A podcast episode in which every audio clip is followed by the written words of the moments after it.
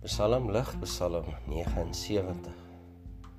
In Psalm 74 het dit vir Asaf grootliks gegaan oor die verwoeste tempel.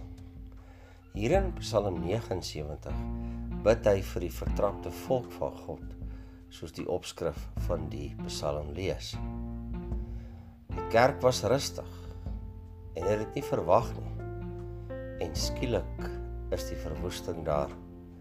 Heidene storm die tempel van God binne, verontreinig dit, verwoes dit, vermoor die lidmate en laat die lyke net so lê sodat die roofvoëls op hulle toesak.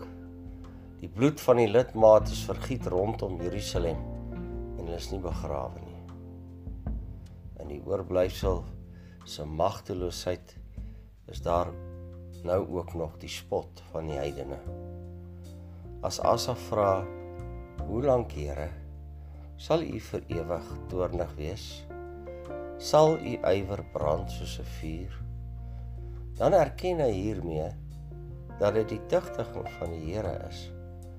Maar tweedens noem hy God op sy verbondsnaam om te herinner aan God se verbond.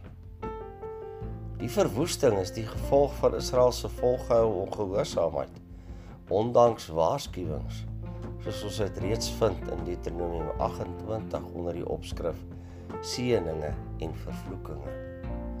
Asaf pleit hier waar dit nou gebeur waaroor soveel keer gewaarsku is letterlik vroeg en laat. Sy pleit is net verbondsgenade.